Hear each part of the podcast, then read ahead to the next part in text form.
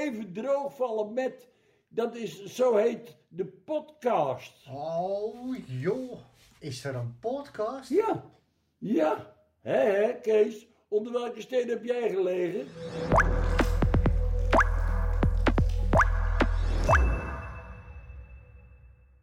Welkom bij weer een nieuwe aflevering van de podcast Even droog vallen met. Mijn naam is Roos Zwart en vandaag samen met mijn collega Tamer Populier val ik droog met Rob Barkel. Rob is bedrijfskundige met een loopbaan in de zeevaart en scheepsbouw en is op dit moment werkzaam bij Flint Accountants, Nederlands grootste adviseur en accountant voor het middelkleine bedrijf, oftewel een MKB. We gaan met Rob in gesprek over de transitie van een visserman naar een multifunctionele maritieme professional. Welke skills komen kijken bij zo'n nieuwe vorm van ondernemerschap en waar moet je financieel allemaal rekening mee houden? Ja, welkom Rob. Leuk dat je er bent vandaag. Ehm, welkom bij Even, Even Droogvallen met. En ehm, fijn dat je vandaag met ons in gesprek wil. Ehm, we hebben vernomen dat je je carrière bent begonnen als zeevarende. hoe heb je dit ervaren? Uh, gevaren, ja, inderdaad. Aan boord van schepen. ik, uh, ik, wilde vroeger al graag naar zee. Ik ben in het oosten van het land opgegroeid en iedereen vroeg zich af op waarom wil jij naar zee? ja, dat trok mij. En ik, dat zit in je of het zit niet Dat zat in mij en ik bleek ook twee rechterhandjes te hebben. Dus ik ben inderdaad als machinist op de grote vaart gaan varen. De hele wereld rond.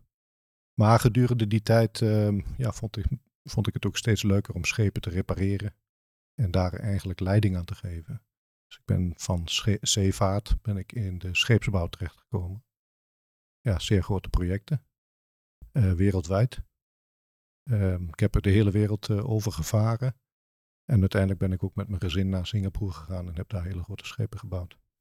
Dat klinkt als een uh, interessant carrièrepad. En vervolgens ben je uh, advies gaan geven ook over innovaties en duurzame ontwikkelingen dus in die scheepsbouw. Wat, uh, wat was precies je drijfveer om je, om je daarin te verdiepen? Nou, technische innovaties. Dat heeft mij altijd aangesproken. Ik kwam natuurlijk vanuit de technische achtergrond. maar ehm, ja, daarmee bijdragen aan een, ja, hoe zeg je dat, een betere samenleving. Een duurzame samenleving. Daar, daar zou ik graag aan bijdragen. En, en waar zit die duurzaamheid dan voor jou vooral in? Nou, vooral dat we uh, bewust gebruik maken van grondstoffen. En dat ook uh, ja, circulair uh, hergebruiken. Dus processen eh, zo instellen dat grondstoffen opnieuw gebruikt kunnen worden en ook misschien het verminderen van. Ja, met name het verminderen daarvan en dan de voorzijde bij het ontwerp daar rekening mee houden. Ja. Heb je dan ook bezig gehouden met de modulaire bouw? Ja, bij, uh, ik heb op een gegeven moment bij IHC gewerkt. De grootste scheepsbouw van Nederland. En uh, die hadden een standaard schip, wat ze in, in modules konden bouwen. bouwen.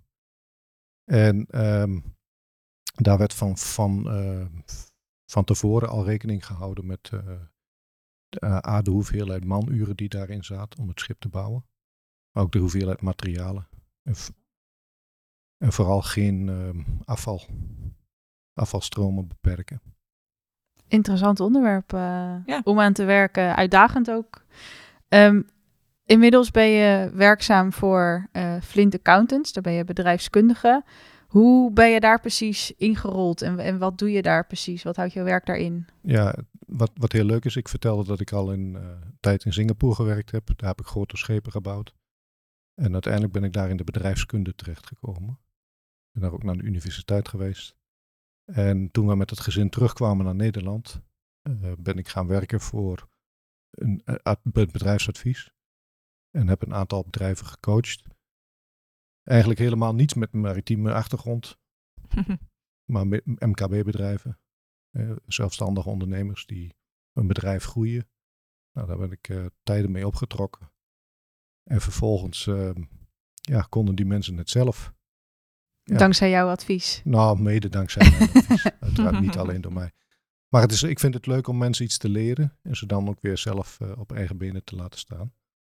En toen dacht ik, wat ga ik doen? Ik vind het leuk om met eh, MKB-ondernemers op te trekken. Laat ik eens bij Flint aankloppen. Want ik vond het ook wel leuk om kundige collega's te hebben. En samen proposities te, te kunnen leveren. Uh, maar toen ik bij Flint aanklopte, zat ze natuurlijk naar mijn cv te kijken. Zei, hey, Rob met al die schepen en scheepsbouw. En misschien moest je maar eens op kantoor Urk gaan zitten. Ik zeg kantoor Urk. Ja, met uh, visser, vissermannen en visserschepen en nou, de visserijsector. Leuk. Ja, dat was inderdaad, uh, hoe zeg je dat, de, de sector die ik nog niet gehad had. ja, van, Een nieuwe uitdaging. Ik heb gevaren op tankers, containerschepen, uh, koel, koel en vries, uh, allerlei offshore schepen. Maar visserij, dat was, had ik nog niet gehad. En, en wat is dan nu precies jouw rol binnen, binnen Flint? Ja, de rol van mij is dat ik natuurlijke ondernemers moest gaan begeleiden met het saneren van schepen. Eigenlijk niet zo'n leuke business. Nee. Eh, tegelijkertijd heb ik me verdiept in, in de sector zelf. Ik, uh, een stukje geschiedenis uh, ja, onderzocht. En bepaalde trends bestudeerd. En toen kwamen we er eigenlijk al snel achter dat ja, de sector niet echt een visie heeft voor de toekomst. En dat is heel vervelend als jij ondernemer bent in, in die sector. En je weet eigenlijk niet precies hoe, welke besluiten je moet nemen om in een bepaalde richting te koersen. Nou, en daar houd ik mij mee bezig. Ik ben me gaan verdiepen in de trends en de bewegingen ja, wereldwijd. Nou, dat was voor mij niet zo'n probleem, omdat ik de hele tijd in het buitenland gezeten heb. Maar goed, ik kijk van buiten naar binnen. En uh, ja, aan de hand van trends proberen we een plaatje te schetsen. En wij noemen dat scenario's in de bedrijfskunde. Een aantal plaatjes waarmee je ondernemers helpt om een beeld van de toekomst uh, te vormen. En uh, van de, uh, aan de hand daarvan besluiten te nemen. Mooi om te horen dat je je zo in de sector hebt verdiept. Dat is, echt, is dat heel gewoon in, in de bedrijfskunde? Ja, dat is eigenlijk niet zo gewoon. En ik moet daar ook wel bij opmerken dat ehm, Flint, uh, zeker Flint kantoor Urk, uh, zeker vanuit maatschappelijk verantwoord ondernemen, zich het lot aangetrokken heeft van veel klanten en ook van de hele sector. Ja. kantoor Urk is natuurlijk verweven met de gemeenschap. En ehm, zij hebben gezegd, nou Rob, een deel van je tijd besteed je gewoon aan ja, je verdiepen, mensen leren kennen. En kijken of wij uh, de sector kunnen helpen een, uh, een visie te ontwikkelen voor, uh, voor de toekomst. Nou, en dat is ook de reden geweest dat ik mij aangesloten heb bij het Visserij Innovatienetwerk. Ja, en, en daar in verschillende werkgroepen meedraai. En bij, dat, bij dat verdiepen in de sector, heb je ook wel eens een keertje mee mogen varen nu op de visserschepen? Of is dat nog niet... Ik sta in de wachtrij. Oh, heel goed, heel goed. Spannend. ja, nee, ik ga zin. graag mee. Ja, leuk. Uh, kijk, zeebinnen heb ik nog steeds en zout geproefd heb ik ook, dus Precies, dat is het probleem niet. Dat leer je ook niet af, dus ja. dat, uh, dat komt wel goed. Het werk aan boord is net anders, maar het op zee zijn, uh, dat zit er wel in. Ja. Leuk. Um, nou, je werkt heel veel met, met die bedrijven ook aan dus nieuwe in innovaties en ontwikkelingen dat is soms het onbekende pad. Dat zal voor sommige ondernemers best wel even schikken of lastig zijn. Uh, hoe ga jij daarmee om als ondernemers dat echt heel, heel ingewikkeld vinden? Nou, het leuke was dat ik um, vroeger schepen bouwde aan de hand van een plaatje.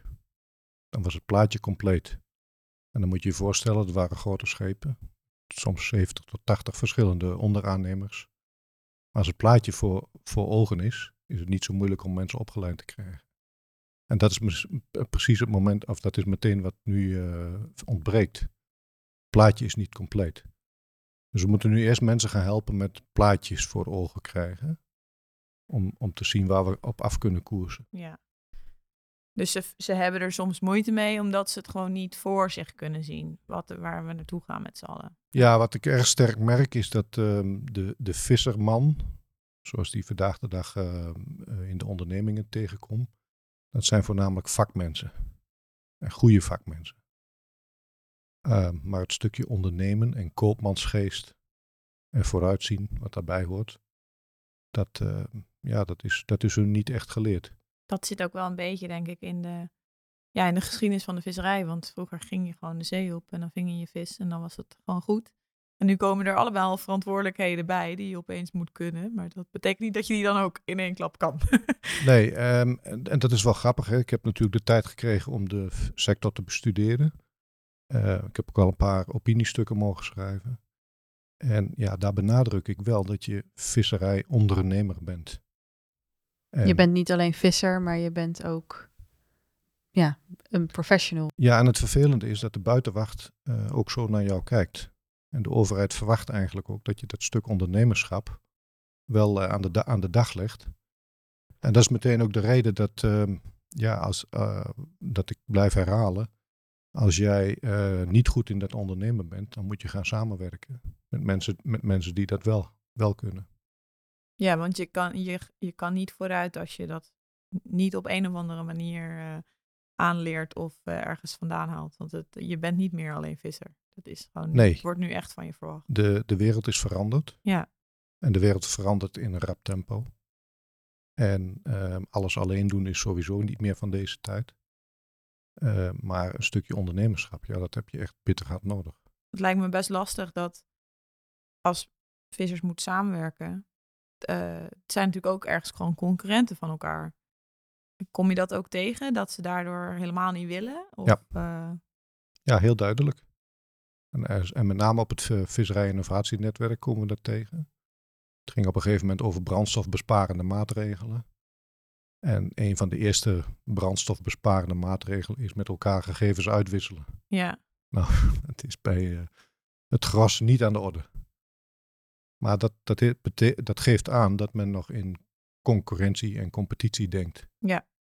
Eh, terwijl, eh, ja, na, na, de, na, de, naar, de krachten, naar het krachtenspel kijkend, het veel verstandiger zou zijn om samen te werken, samen op te trekken. En bijvoorbeeld die data met elkaar te delen. Om samen weer verder te kunnen. Om samen verder te kunnen, ja. Alleen ben je sneller, samen kom je verder. In de visserij heb je ook veel te maken met eh, familiebedrijven. Ehm, merk je daarin ook verschil met andere werkzaamheden die je hebt gehad? Dat het anders is om, om met familiebedrijven om te gaan? Eh, ja, tot, tot een jaar of tien geleden eh, wou ik niets met familiebedrijven te maken hebben. Oké. en waarom was dat? nou, dat had ermee te maken dat ik ehm, vanuit mijn bedrijfskundige logica niet altijd begreep hoe besluiten dan anders liepen dan Ja, we afgesproken Dat kan ik me voorstellen. Maar dat heeft natuurlijk te maken met onzichtbare lijntjes die in de familie lopen. Eh, de grap wil dat ik sinds ik terug ben uit het buitenland en eh, een aantal bedrijven gecoacht heb, dat het allemaal familiebedrijven waren en zijn. En op een gegeven moment ga je daar met hun optrekken en zelfs tussen hen in zitten om oplossingen te vinden en mensen te leren. En gaandeweg ben ik het eigenlijk eh, leuk gaan vinden Juist leuk. om in een familiebedrijf op te trekken. Nou, dat is een eh, mooi bruggetje naar eh, een onderdeel van de podcast, het segment lijntje uitgooien. Eh, we zijn namelijk de straat op gegaan om, ja, om dus een lijntje uit te gooien bij mensen op straat, wat zij van de Nederlandse visserij vinden. En Roos is dit keer de straat op gegaan met de vraag, wat vinden ze eh, ervan dat er steeds minder familiebedrijven zijn in Nederland? Nou, moeilijk, moeilijk, moeilijk om te antwoorden. Kijk, eh het is marktwerking. Hè? Ik bedoel, eh, grote bedrijven slokken de kleine bedrijfjes op. Vaak de, de eenmanszaakjes, de familiebedrijfjes. Maar heb je het over klei- eh, kleine familiebedrijfjes of over grote familiebedrijven? Over, Ja, in het algemeen. Eh, Ik bedoel, de visserij is veel familiebedrijven. Mhm. En eh, ja, wat jij zegt, de, de, de grote overkoepelende bedrijven nemen dat, eh, slokken dat vaak op. En eh, daardoor verdwijnen die wat kleinere bedrijven. ja, het is jammer. Jammer. Ja? Ja, Waarom? dat gaat dan niet per se over de visserij. Nou, het zijn over het algemeen goede bedrijven. Niet, al, niet hele grote bedrijven. En het is leuk als die hun hoofd boven water kunnen houden. Eh, mijn vader die heeft een familiebedrijf gehad. Het is ehm, een eh, audio en eh, visio, dus televisies, radio's, huishoudelijke apparatuur. En dat heeft hij weer overgenomen van zijn vader. Ja. En ja, die gaat met pensioen. En ja, zowel ik en mijn zus eh, hebben daar geen interesse in om dat over te nemen. Nee. Dus ja, dat eh, verdwijnt en dat is wel jammer. Nou, daar de reacties van de straat eh, over ja, het afnemen van de hoeveelheid familiebedrijven in Nederland. Wat, eh, wat, wat doet dit met jou als je dit hoort? Nou, daar ben ik niet direct bang voor. Maar goed, ik kom wel terug op wat ik eerder gezegd heb. Dat eh, dit niet meer de tijd is van alles alleen doen. En wat natuurlijk ehm, je vaak binnen familiebedrijven ziet, dat de volgende generatie gedoodverfd is om het op te, op te volgen. maar niet altijd uh, de meest geschikte uh, of over de meest geschikte talenten uh, beschikt. Of het überhaupt willen. Of het überhaupt willen, ja. Kan maar zo zijn dat je andere interesses hebt. Ja. Maar dat neemt niet weg dat uh, er wel heel veel kracht binnen een familiebedrijf zit. Ja, dat kan ik me heel goed voorstellen. Zo dat... ook in de visserij. En dat heb ik uh, toch een aantal bedrijven gezien die zonder bankleningen uh, opereerden. Dus volledig op eigen vermogen. Nou, dat is een hele prestatie. Het is jammer dat, dat, dat als je daar niet tijdig op schakelt, dat het eigen vermogen snel verdampt.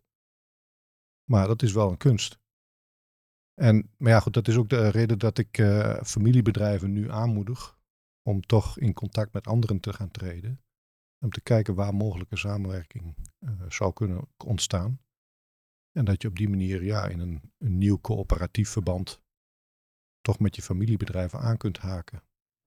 En, en staan de familiebedrijven daarvoor open, heb je het idee? De jongere generatie, merk ik, die uh, is meer geënt op samenwerken. Ja. Dus dat zit er echt al wel een beetje in? Uh, ja. Nou hebben ze natuurlijk op het moment dat ze weer terug in het familiebedrijf stappen ook te maken met de oudere generatie. En opa enzovoort. en ooms. Ja. ja, en die hebben ook en allemaal nog een eigen mening. Nou, Meer die, mening Die nog heel sterk denken in concurrentie in ja. plaats van uh, samenwerken. Ja.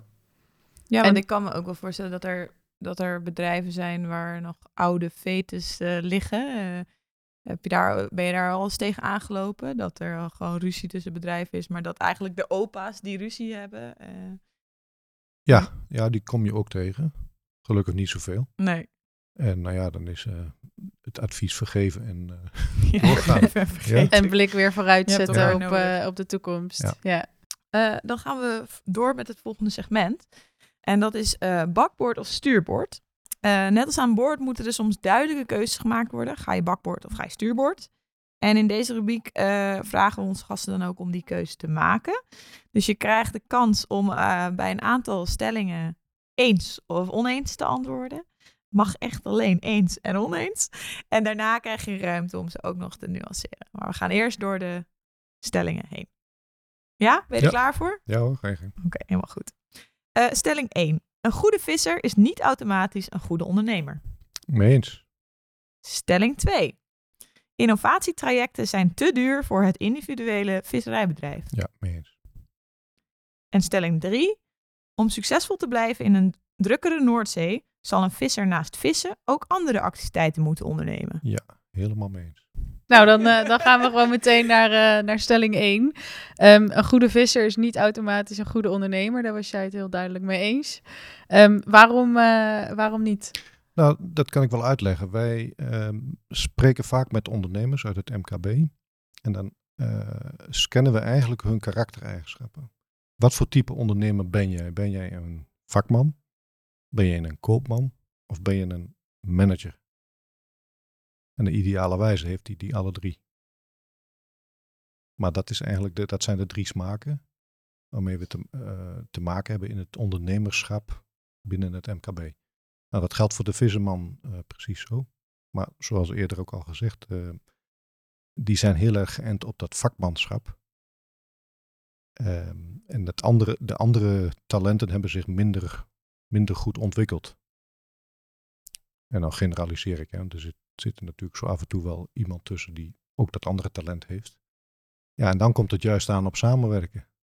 Toch weer die samenwerking. Ja, ja. Hey, en je noemt dat, dat dat vakmanschap, dat is eigenlijk waar de vissers zich vooral in hebben ontwikkeld. Waar, waar zit dan die kracht van, van dat vakmanschap? Wat, nou, wat zie je daarin? Nou, kijk, uh, vroeger ging je inderdaad een week naar zee. Of nog langer.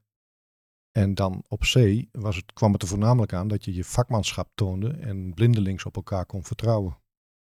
De gevangen vis uh, leverde op de afslag iets op, maar daar had je niet zoveel invloed op. En tot op de dag van vandaag heb je daar nog niet zoveel invloed op als je aan de afslag levert. Dan dicteert de handel dicteert, uh, de prijs. Uh, het managen, ja, aan boord regelde zich dat vanzelf. Iemand nam de leiding, die stond meestal aan het roer. En dan aan dek had je ook de taken verdeeld.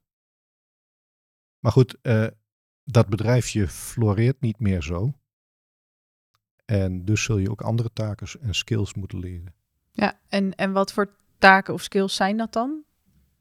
Nou, kijk, van een ondernemer wordt verwacht dat hij eh, vooruit kijkt en de markt ehm, ja, kan scannen, kan analyseren. Of daar in ieder geval met hulp eh, een beeld van kan vormen. En wat, wat ik eh, geconcludeerd heb in de, na, na, het laatste jaar ehm, analyse van, van deze sector, is dat de afstand van de visser tot de markt erg groot is. En dat is ook logisch, want ja, de vis wordt op de afslag aangeleverd. En verder is er, geen contact met de consument. Dus als jij een, uh, een, jouw ideale visserijondernemer zou moeten omschrijven, hoe zou die er dan uitzien? Oh, dat, is, dat zijn verschillende smaken. Op dit moment heb ik twee modellen voor ogen. Oké. het, het, ene model, uh, dat, dat, dat is een visserman slash ondernemer op zee die naast dat hij in bepaalde perioden vis oogst, ook inspecties kan doen. En echt ja, werk, werkzaamheden kan uitvoeren vanaf zijn schip. de andere ondernemer, dat is inderdaad nog steeds een visserman, maar die in een korte keten de vis direct aan de consument levert. En ja, dan heb je het over een echt een, een high-end market. Waar uh, die visserman uh, direct contact gaat hebben met, met de consument. Oké, okay. ik denk dat we daar bij stelling 3 nog misschien wat, wat verder op ingaan. Ja. maar een interessante visie, denk ik, voor vissers om mee te nemen. Dat denk ik ook. Um, laten we doorgaan naar stelling 2. nou ja, ook eens. innovatietrajecten zijn te duur voor het individuele visserijbedrijf. Uh, waarom, uh, waarom eens? Nou, daar sloeg bij mij het woord individuele visserijonderneming aan. Kijk, als je, uh, gaan nu even uit van die twee modellen. Het ene model waarbij andere werkzaamheden op zee verricht zullen worden. Dan zal er een multifunctioneel schip in de vaart moeten komen. Waar bijvoorbeeld een kraantje achterop zit of een, een werkdek met drones voor inspecties onder water. de bouw en de kostprijs van zo'n schip ligt in de orde grootte van 8 tot 10 miljoen euro. Wauw. Dat is, dat is gewoon dat is flink. veel te veel voor een bedrag. individueel onderneming. Ja, ja. En vandaar ook het samenwerken. En dat moet je eigenlijk ook niet meer willen. Zoveel last op je schouders. Het is te veel druk op één ondernemer. Ja, ja. Nou, het andere model is natuurlijk nog steeds het visschip. Maar goed, we weten allemaal dat de bodemberoeringverbod uh, op, op, op de visserij afkomt. Het wordt steeds duidelijker. Samenwerken, samenwerken, samenwerken en zorgen dat je in 2027 een andere visserijmethode hebt. Nou, daar, het voordeel daarvan is dat bij een andere visserijmethode, als we niet meer bodem beroeren en ook niet meer hoeven te slepen, dat je met lichtere schepen uit zou kunnen. Dus dan heb je het over investeringen die stukken lager liggen. Dat zou je op zich nog wel in een individueel onder, onderneming onder kunnen brengen. Ehm, maar ook daar samenwerken. Ja, ja je moet toch eerst toch het meeste voordeel op. Waar liggen nog meer de verantwoordelijkheden voor het dragen van de kosten van die innovaties? Is dat volledig, moet dat, ligt dat volledig bij de visserij of heeft de overheid daar ook een uh, aandeel aan? Uh, de overheid heeft daar een aandeel aan. En de overheid heeft natuurlijk ook een aantal fondsen beschikbaar gesteld. En maar de overheid uh, stuurt wel sterk op het ondernemerschap en ondernemer zijn. Dus je zult zelf de eerste stappen moeten zetten. Ja. En met plannen komen waarvan dan delen subsidiabel zijn. Ja, precies. Dus er zijn wel allemaal mogelijkheden, maar je moet wel zelf het voortouw uh, nemen. Je moet wel willen. Maar. Ja. Op dit moment is het best wel lastig voor vissers om te investeren. Ook heel erg door die hoge brandstofprijzen is het natuurlijk uh, ja, een moeilijk verhaal. Hoe kunnen we zorgen dat het verdienmodel in de visserij weer gezond wordt? Nou, onder andere door bijvoorbeeld die, die twee modellen uh, verder uit te werken. En uh, wat erg belangrijk is, ik noemde al de afstand tot, uh, tot de markt, de afstand tot de consument, door die stukken kleiner te gaan maken. Ja. Kijk, ehm, we leven in een tijd met smartphones, we leven in een tijd met multimedia. Ehm, er vinden snelle veranderingen plaats. Um, maar voor het draagvlak van wa wat jij toevoegt aan de samenleving, ja, daar zul je toch aan moeten werken. Je hebt het over die twee modellen en dan, dan hoor ik wel dat er ook inderdaad die andere schepen voor nodig zijn. Ehm, en nou ja, financieel hebben we er dan over. Dat moet gewoon uh, ja, een samenwerking, denk ik, zijn tussen vissers die met elkaar samenwerken en gewoon met een goed plan bij de overheid komen. Maar de technologieën, zijn die er al om dit te realiseren? Uh, deels wel, deels niet. Dat hangt een beetje vanaf welke uh, weg voorwaarts we kiezen ten aanzien van het vistuig. Kijk, als we blijven uh, proberen te innoveren op, in de vorm van gesleepte netten, dan heb je nog steeds veel vermogen nodig. Ja. Nou, en dat is eigenlijk terug te leiden naar brandstof en brandstofkosten. Maar goed, uh, als jij een andere vistechniek gaat bedenken, bijvoorbeeld door het afzetten van kooien of uh, ja, andere, andere va val, vallen waarmee je de vis kunt lokken. Ja. En een paar dagen later terugkomt om die weer op te halen. Ja, dus meer de passieve visserijkant. Dat heet inderdaad passief. Maar goed, dat zou je wel op kunnen schalen naar uh, gro grotere... Grootschalige, grootschalige passieve visserij. Passieve visserij. Ja, ja dan, dan, gaan, dan gaat het hele eh, model er anders uitzien. Uh, denk ik dat daar ook meer draagvlak voor is in de toekomst. Omdat we zeker niet bodem beroeren.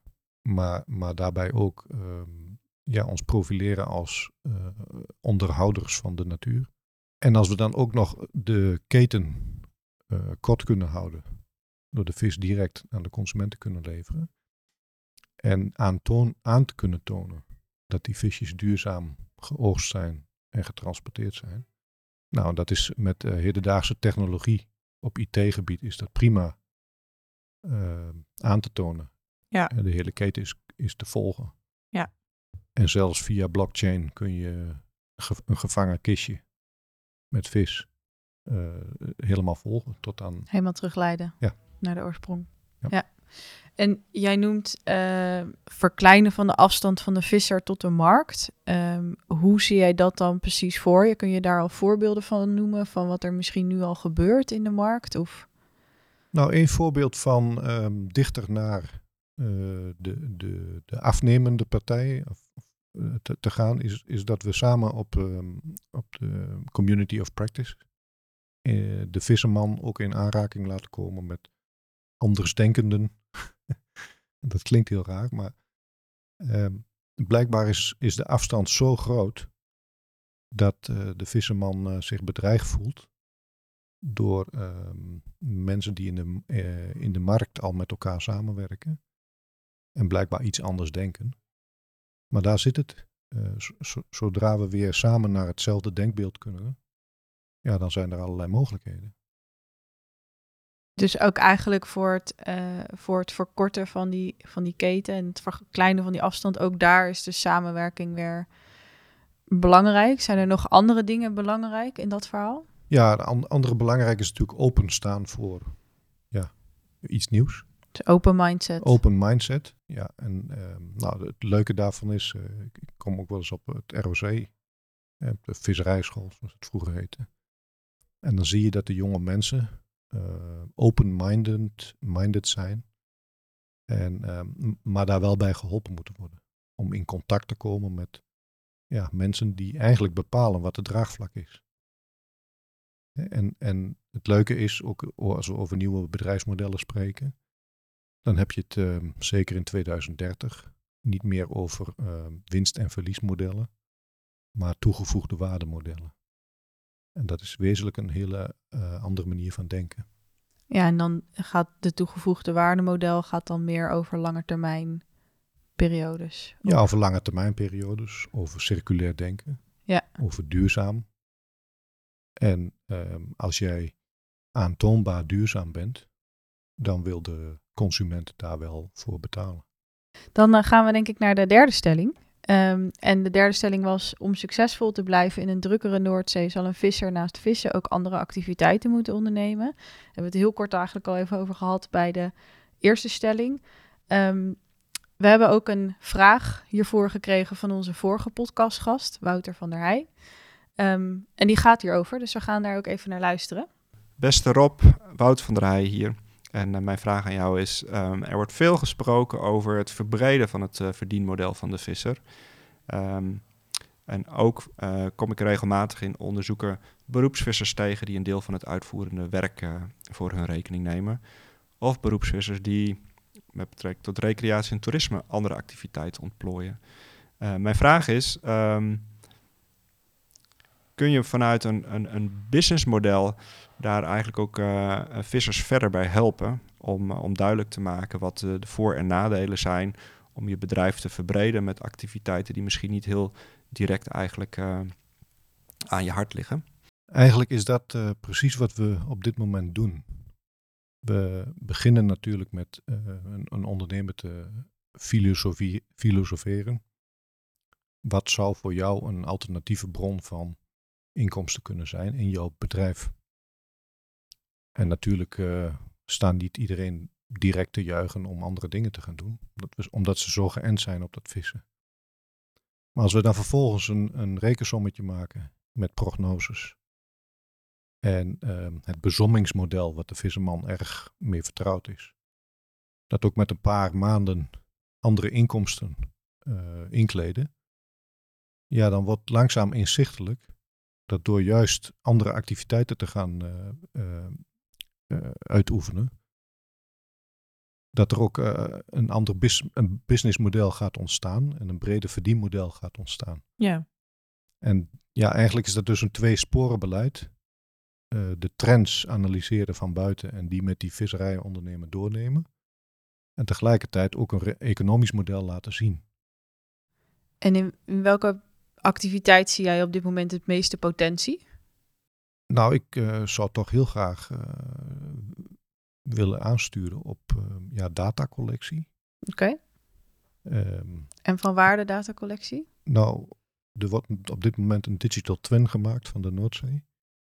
En data is echt ja, de toekomst.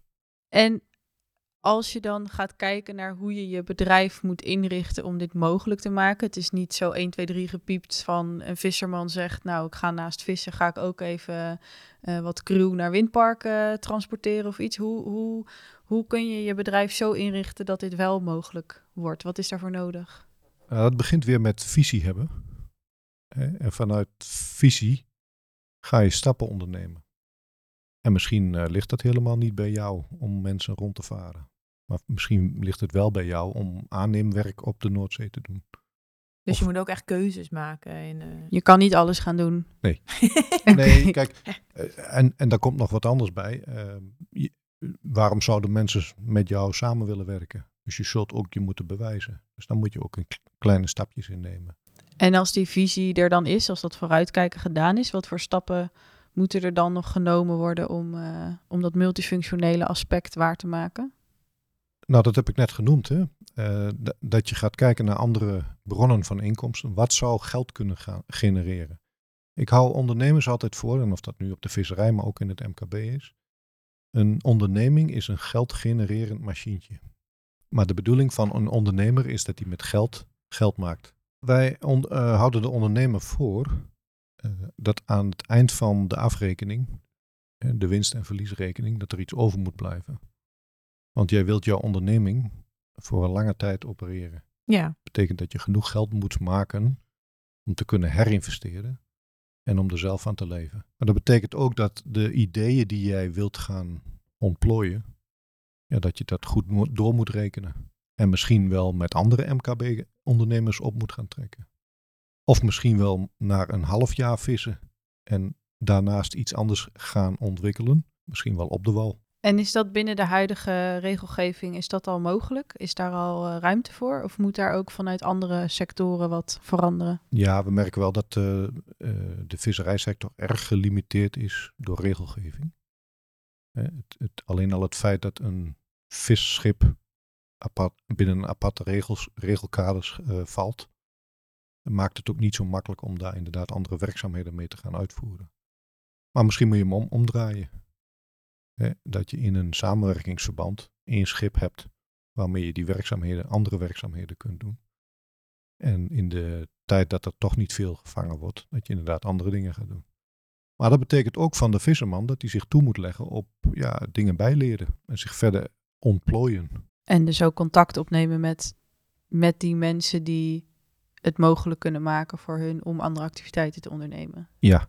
Dus ja. niet alleen maar samenwerking binnen de visserijsector met mensen die er hetzelfde voor staan, maar ook echt met andere partijen. Ja, daar zit de kracht. En, en ik gaf net al het voorbeeld van de community of practice. En ik kan Want voor de luisteraars die niet weten wat, ja, de eh, community wat dit of is, kun je practice dat eh, uitleggen? Noordzee. Daar, eh, dat, is een, ehm, dat zijn een reeks bijeenkomsten van allerlei eh, ja, stakeholders zit het in het Engels. Allerlei mensen die belangen hebben op de Noordzee of bij de Noordzee of betrokken zijn bij de Noordzee. En elkaar ontmoeten. En aan de hand van verschillende eh, thema's en vraagstelling eh, eigenlijk proberen om nader tot elkaar te komen. En ik heb een aantal van die bijeenkomsten bijgewoond. En dat is heel interessant om te zien. En ook heel interessant om te zien om ehm, de, de vissermensen die ik mee had, ja, eh, in het begin heel erg afstandelijk te zien en langzaam eh, mee te gaan draaien in, wer- in verschillende werkgroepen en ook hun kennis en kunde te kunnen inbrengen.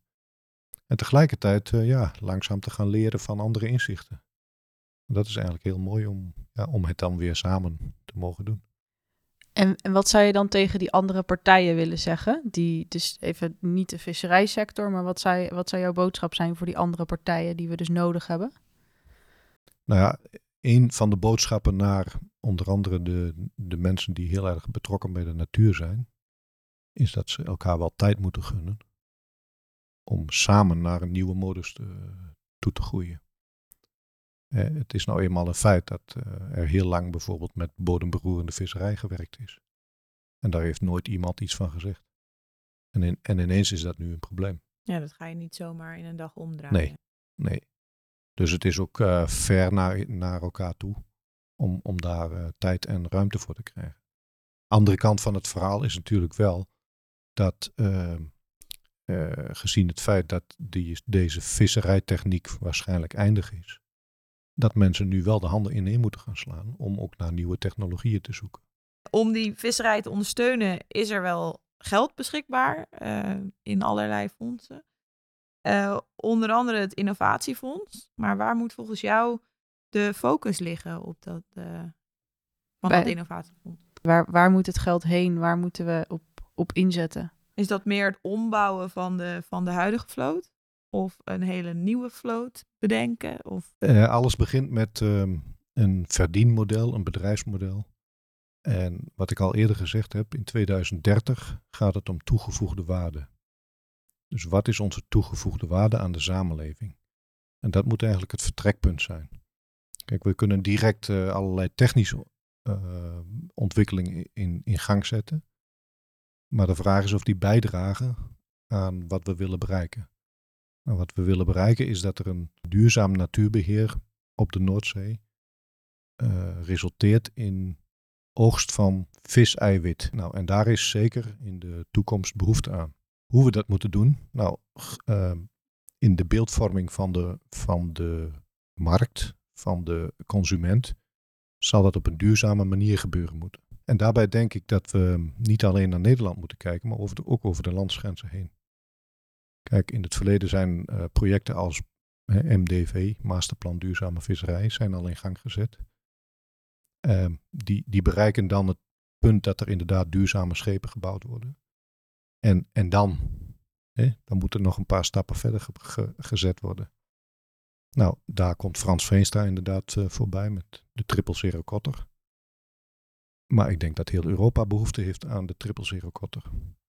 Dat denk ik ook. Ik denk En- dat Nederland niet alleen staat in de uitdagingen. Nee, en ook heeft heel Europa behoefte aan nieuwe visserijtechnieken die geen bodem meer beroeren. En ehm, binnen dit hele verhaal ben je dus ook actief in het visserij-innovatienetwerk. Eh, kun je nog wat meer vertellen over wat jouw rol precies daar is en, en wat jouw ervaring daarmee tot nu toe is? Ehm, ja, de ervaring in, in zoverre dat ehm, ik ben begonnen in de kotterwerkgroep voor de nieuwe schepen.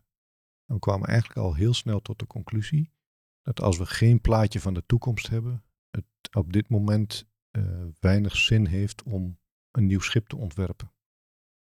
Nou, dat betekent dat er een overstap gemaakt wordt naar de werkgroep Vernieuwd Ondernemen, naar het businessplan. En ook daar hebben we natuurlijk alternatieve business waarop eh, geanalyseerd wordt.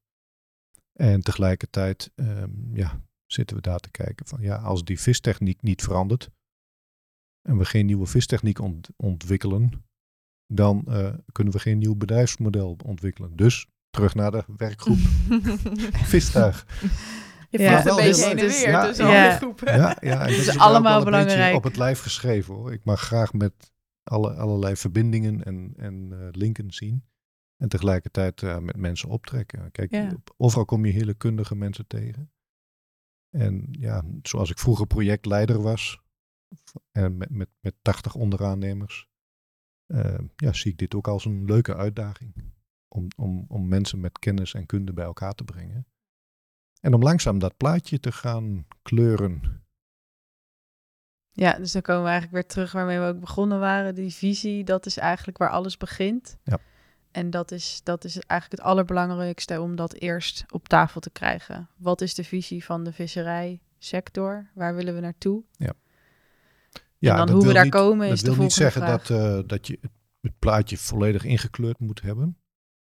Maar ik noemde de twee modellen die mogelijk zijn. Eh, in, in een model waarbij je werkzaamheden op, op, op zee doet naast visserij. Het andere model waarbij je echt toe gaat leggen en ook gaat profileren als duurzaam. En, en bewust duurzaam. En bewust natuurbeherend. En een korte keten. Eh, maar, maar misschien zijn er nog wel twee andere modellen te bedenken of die daartussenin zitten. Maar een je- je noemde schets daarvan moet in ieder geval... eh, voordat je vooruit wil, moet je in ieder geval een idee van een schets hebben van waar, waar gaan we naartoe. Ja, want het voordeel om, eh, daarvan ehm, eh, helpt om mensen bij elkaar te brengen. Want stel je nou voor dat jij samen met twee andere visserijondernemers precies datzelfde beeld voor ogen hebt. Ja, dan kun je met elkaar op gaan trekken. Maar tegelijkertijd, ehm, en dat houd ik ondernemers wel voor, als jij met je huidige manier van opereren geen geld meer overhoudt, dan moet je ermee stoppen. Dat lijkt me een heel moeilijk advies. Onbewust, nee, dat is een heel moeilijk advies. En dat willen ze ook niet zomaar 1, 2, 3 aannemen. Maar dat is wel hetzelfde advies wat wij ook aan andere MKB-ondernemers geven. Ja. Buiten de visserij. Buiten de visserij. Want als je naar een, even vergelijking maakt met een MKB-bedrijf. Stel dat jij een product hebt. Eh, daarna heb je dat het in de markt eh, geïntroduceerd wordt. De markt ontvangt het en wil daar ook voor eh, betalen. Maar in die markt zijn ook alternatieven. Ja. En gaandeweg de levensduur van dat project, of van dat pro- product, eh, kan het maar zo zijn dat er een nieuw product in de markt komt waar de, waar de consument veel meer eh, behoefte aan heeft. Nou, dan is er nog wel een tijdje geld te verdienen aan dat product, maar uiteindelijk is, uiteindelijk is het eindig. Ja. Want de markt, de consument bepaalt of hij dat product wil hebben. Dus dan moet je, je moet eigenlijk al inzien van oké, het loopt aan zijn einde en nu moet ik of iets nieuws bedenken. En als je dat dus niet doet, dan is het aan het einde van de levensduur van dat product. Ja. ja is het gewoon klaar eigenlijk. Ja. En even een vergelijking maken met andere MKB-ondernemers. Als wij inschatten en analyseren dat zeg maar, de opbrengsten van een bepaald product in de verkoop minder worden, dat zijn signalen om keuzes te gaan maken. Of je geeft dat product, verkoopt het aan een andere ondernemer die met minder overheadkosten daar toch nog een goede boterham eh, mee kan verdienen. Of je stopt met dat product. Ja. En dat zie je ook bij hele grote multinationals en grote bedrijven. Een, een groot deel van hun gegenereerde winsten gaan terug in research en development. Om nieuwe producten te kunnen ontwikkelen, zodat die weer in de markt gezet kunnen worden. Ja, dus een heel circulair proces eigenlijk, eh, producten ontwikkelen. Maar in feite geldt dat dus voor de vis precies zo. Ja. Ja. Ehm, niet zozeer voor de vis zelf. Hè. Aan de vis kan je niet zoveel ontwikkelen. Maar je zou van, van die vis, je zou, zou van die vis andere producten kunnen ontwikkelen. Die dan misschien wel weer in de markt afgenomen worden. Hè, Ik heb destijds een vergelijking gemaakt met Campina. Kijk, Campina verkoopt melk. Maar waarom betalen mensen meer voor de Campina melk dan dat je het bij de Aldi koopt? Dat heeft met beleving te maken. Dat heeft met een stukje imago te maken. Dat heeft met een vertrouwensband met de consument te maken. Heeft er ook mee te maken dat Campina heel veel investeert in het te weten komen wat de consument wil. En Campina investeert bijvoorbeeld ook in natuurbehoud.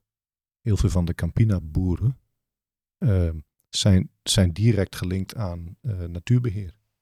Ja. En duurzaam met hun koeien.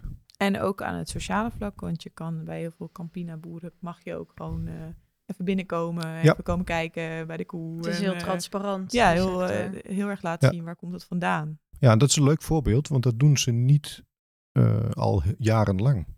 Het is pas sinds 2000 dat ze inderdaad de boerderijen open, open boerendag hebben, of boerderijdag hebben. En waar de consument inderdaad dichter bij de producent komt, de boer. Ja. En, en ja, daar zie ik echt heel veel kansen voor de vissers. En liggen die kansen er dan ook nog als, als een visser eigenlijk op dat moment bij jou aankomt met dat het eigenlijk al een beetje te laat is, dat er geen geld meer in de kas zit en uh, het product wat nu zeg maar verkocht wordt, dat, dat, dat is al aan zijn einde. Liggen er dan ook nog kansen als ze toch heel graag door willen? Of is het voor sommige bedrijven gewoon ook echt te laat? Uh, voor een aantal is het te laat. En een aantal daarvan hebben ook de keuze gemaakt om in de sanering ja. hun kot erin te leveren. En uh, nu echt op het punt gekomen zijn van ja, ik, ik, ik doe niet meer mee. En dat is natuurlijk wel verdrietig om dat te zien. Ja. Want daarin hebben ze eigenlijk een paar keer een afslag gemist. In het verleden al. En natuurlijk hadden we een geweldige technologie in de vorm van de puls. En dat verhaal blijft op, opkomen. Ja, die hebben we in de podcast al regelmatig uh, voorbij horen ja, komen. Ja, maar daar wil ik wel graag ja. een opmerking over maken. Want uh, dat wordt mij regelmatig uh, teruggekoppeld. Ja, als we de puls nou nog maar hadden. Maar we hebben natuurlijk met die puls hebben we het niet echt slim aangepakt. Ja, dat was een test en het was nog in een testfase. En um, we zijn daarmee aan het werk gegaan. Ja, alsof het al een volwaardig. Uh... Ja. En dat was een, uh, ja, een, een, leuke business, zeker. Daar hebben we veel geld mee verdiend. Uh, ja, althans, en, de Nederlandse vissers. Ja, en dan zou je verwachten, na goed ondernemerschap, dat dat geld nu al geïnvesteerd was in, in innovaties. innovaties en andere technieken. En nieuwe samenwerkingsverbanden enzovoort. En dat is niet gebeurd. Nee. Nee, dus dat is. Dus als we toen hadden samengewerkt en toen hadden geïnvesteerd, dan had de sector er misschien anders uitgezien op het moment. Ja, dat kun je niet met 100% nee. zekerheid zeggen. Natuurlijk. Maar, maar, maar, even terugkomen op ondernemen en met geld geld maken. De bedoeling is dat jij herinvesteert. Ja. Ja. Dus het maar, geld dat in een bedrijf binnenkomt, dat moet ook weer naar het bedrijf toe gaan, eigenlijk. Ja. Maar je, je, som, voor sommigen is het dus inderdaad echt wel te laat. En ik denk dat dat dan ook wel vaak in zit dat ze de energie of de, de kracht er niet meer voor hebben om weer een nieuwe keuze te maken. Als je dat nog wel hebt, als je die kracht nog wel hebt, is het, is het dan ook te, kan het dan ook te laat zijn? Of heb je dan altijd wel weer een manier om uh, weer een andere kant op te bewegen? Nou ja, worstel en kom boven. Misschien. Ja. maar uh, je, jezelf blijven ontwikkelen. Dat is erg belangrijk. En dat is ook wat we jonge mensen voorhouden. Jonge vissermannen. Ga nou alsjeblieft die kadercursus doen. Zorg dat je breder, breder opge opgeleid wordt. En voor de, de mensen met iets meer ondernemerskills. Ga naar die masterclasses Blue Economy. Ja. En misschien loop je daar wel iemand tegen het lijf. Die van buiten de sector wel wil investeren in een nieuw plan. Ik heb nog een, een kleine vraag over dat Campina-verhaal. Ja. Uh, want jij noemde net dat uh, de Campina-boeren het eigenlijk heel slim hebben aangepakt. Uh, ze staan heel open voor het ontvangen van, van mensen. Nou weet ik dat op zich de visserij, althans de vissers die ik tot nu toe heb mogen ontmoeten, dat die eigenlijk ook heel erg openstaan voor het ontvangen van mensen, voor het laten zien wat voor mooi werk ze doen. Alleen is, het, is de uitdaging meer dat de, ja, de gemiddelde mens de vissers niet zo goed weet te vinden. Uh, hoe, hoe zouden we die uitdaging kunnen aanpakken om, om ook daar nog ja, via die weg nog kansen te creëren voor vissers? Ja, ik heb net al aangegeven dat de, de afstand tussen de visser en de consument veel te groot is. Ja. Dus nou, welke weg je daar precies moet bewandelen of kunt bewandelen, dat weet ik niet. Maar ik denk dat je stappen moet gaan nemen en er dan wel achter komt wat de juiste weg zou kunnen zijn. Wat werkt en wat niet. Ja, eh, kijk, er is natuurlijk wel zoiets als een visbureau, wat misschien die functie zou kunnen vervullen. Hè, maar dan moet iedereen dat visbureau ook breed dragen. Ja, dat moet ondersteund worden. En, uh... Of een nieuw initiatief, maar in ieder geval uh, dichter bij de consument gaan. Hè, en er zijn natuurlijk wel wat initiatieven op dit moment. Dat men rechtstreeks vis aan consumenten levert. En daar het ideale wijze ook een, een labeltje aan wil hangen. En maar dat zijn nog ja, hoe zeg, premature, premature stappen die je eigenlijk veel breder zou moeten dragen. Um, ja, we hebben het tot nu toe over verschillende thema's gehad. Um, we hebben, je zei net ook al dat we dat jij eigenlijk probeert vooruit te kijken tot niet heel veel verder dan 2050 of 2030, sorry. Um, maar dat gaan we nu toch even doen. Um, want wij vragen onze gasten eigenlijk op het einde altijd om toch even uh, ja, verder in de toekomst te kijken. Dus we doen even alsof we in een tijdmachine stappen en we stappen dus in 2050 uit. Hoe ziet de visserij in Nederland er tegen die tijd volgens jou uit? Nou, allereerst uh, 2050 is uh, Nederland een grote stadstaat. Au. En dat vind ik niet zo moeilijk om te bedenken. Ik heb uh, jaren in Singapore gewoond. Nou, dat is zo groot als de provincie Utrecht. Daar wonen 6 miljoen mensen. En in een periode van 50 jaar zijn ze van kleine kampongs en tropisch eiland naar een stadstaat met grote hoge torens uh, gegaan. Denken dat we in Nederland dichtbevolkt zijn, maar ja, valt nee, eigenlijk nog wel mee. Als, overal als mensen je het tegen. zo hoort, hè? Tegelijkertijd is het geweldig. uh, infrastructuur is geweldig. Uh, een treinsysteem wat elke drie minuten een trein rond laat rijden. Dat niet heel veel vertraging heeft. Nee, absoluut niet. En dus je kan je in die stad uh, binnen 45 minuten verplaatsen van het ene eind naar het andere. Geweldig georganiseerd allemaal. Maar die stad moet alles importeren. Heeft geen eigen uh, voorzieningen, geen, geen, eigen resources. Anders dan geld. Hè? Het is natuurlijk een en kennis. Een geld en kennis, ja. Een vertrouwde haven voor heel veel investors en uh, investeringsmaatschappijen. Maar het, het, voedsel moet van buiten komen. Nou, ehm, wij hebben nu de kans, als we tenminste visie hebben, voor die grote stadstaat, om uh, in de binnenwater, maar ook op de Noordzee, tussen de, tussen de mollens, een nieuwe uh, vistechniek te gaan ontwikkelen. Waarmee we in plaats van slepen vissen gewoon lokken. En de grote visjes geselecteerd van de kleine visjes houden. En op die manier uh, kunnen voorzien in een lokale bron van eiwit. En uiteraard hebben we allerlei andere kanalen. En er zal nog steeds export en import zijn.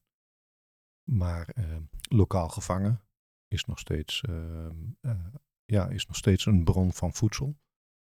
Um, daarbij sluit ik niet uit dat zeker in zo'n stadstaat er ook ja, kunstvoedsel zal zijn. En daar zijn natuurlijk ook al allerlei initiatieven in op dit moment. En aan wat voor kunstvoedsel denk je dan? Nou ja, dat, dat, het gaat uiteindelijk om eiwit. Hè, maar dat het van uh, plantaardig eiwit uh, een, een, een, behoorlijke grote hoeveelheid uh, in, de, in de voedselvoorziening zal worden voorzien. Oké, okay, dus een, een, een stad staat zoals Singapore, maar die wel in zijn eigen behoeftes kan voorzien qua voedselvoorziening. Ja, ja nu zie je trouwens in Singapore de laatste jaren ook bijvoorbeeld slaakwekerijen op de daken van parkeergarages. Ja, en vertical farming is daar ja. ook volgens mij uh, echt wel. Uh, ja, dus daar zouden we uh, nu hè, met vooruitziende blik zouden we heel veel van kunnen leren. Ja, dus ook daar weer samenwerking met bijvoorbeeld Singapore zou ook nog wel een interessante ja, en, uh, combinatie zijn. En, en de visie hebben van hoe je denkt dat het eruit gaat zien. Ja. En durven dromen is denk ik belangrijk bij dit alles. Ja. Ja, openstaan, samenwerken en een visie hebben. Nou, dat brengt ons bij het uh, einde van deze aflevering. Uh, Rob, bedankt voor je tijd en, uh, en verhaal natuurlijk. Um, en bedankt voor, voor ja, alle inspiratie die je dan toch wel brengt bij onze vissers. Ik denk dat heel belangrijk werk wat je doet. ga er vooral mee door. Um, voor de luisteraars bedankt voor het luisteren naar Even Droogvallen met. We hopen dat jullie dit net zo inspirerend vonden als ik en Tamer. En mocht je vragen hebben voorop, stel ze dan vooral via info.visticketmarkt.nl of benader ons via de social media op Twitter, Facebook of Instagram. Vond je deze aflevering interessant en wil je meer weten? Abonneer je dan op de Vis Ticket Maar podcast, Even droogvallen met. Dan verschijnt de volgende aflevering in je favoriete podcast app. Deze podcast werd mede mogelijk gemaakt met support van het Europees Fonds voor Maritieme Zaken en Visserij.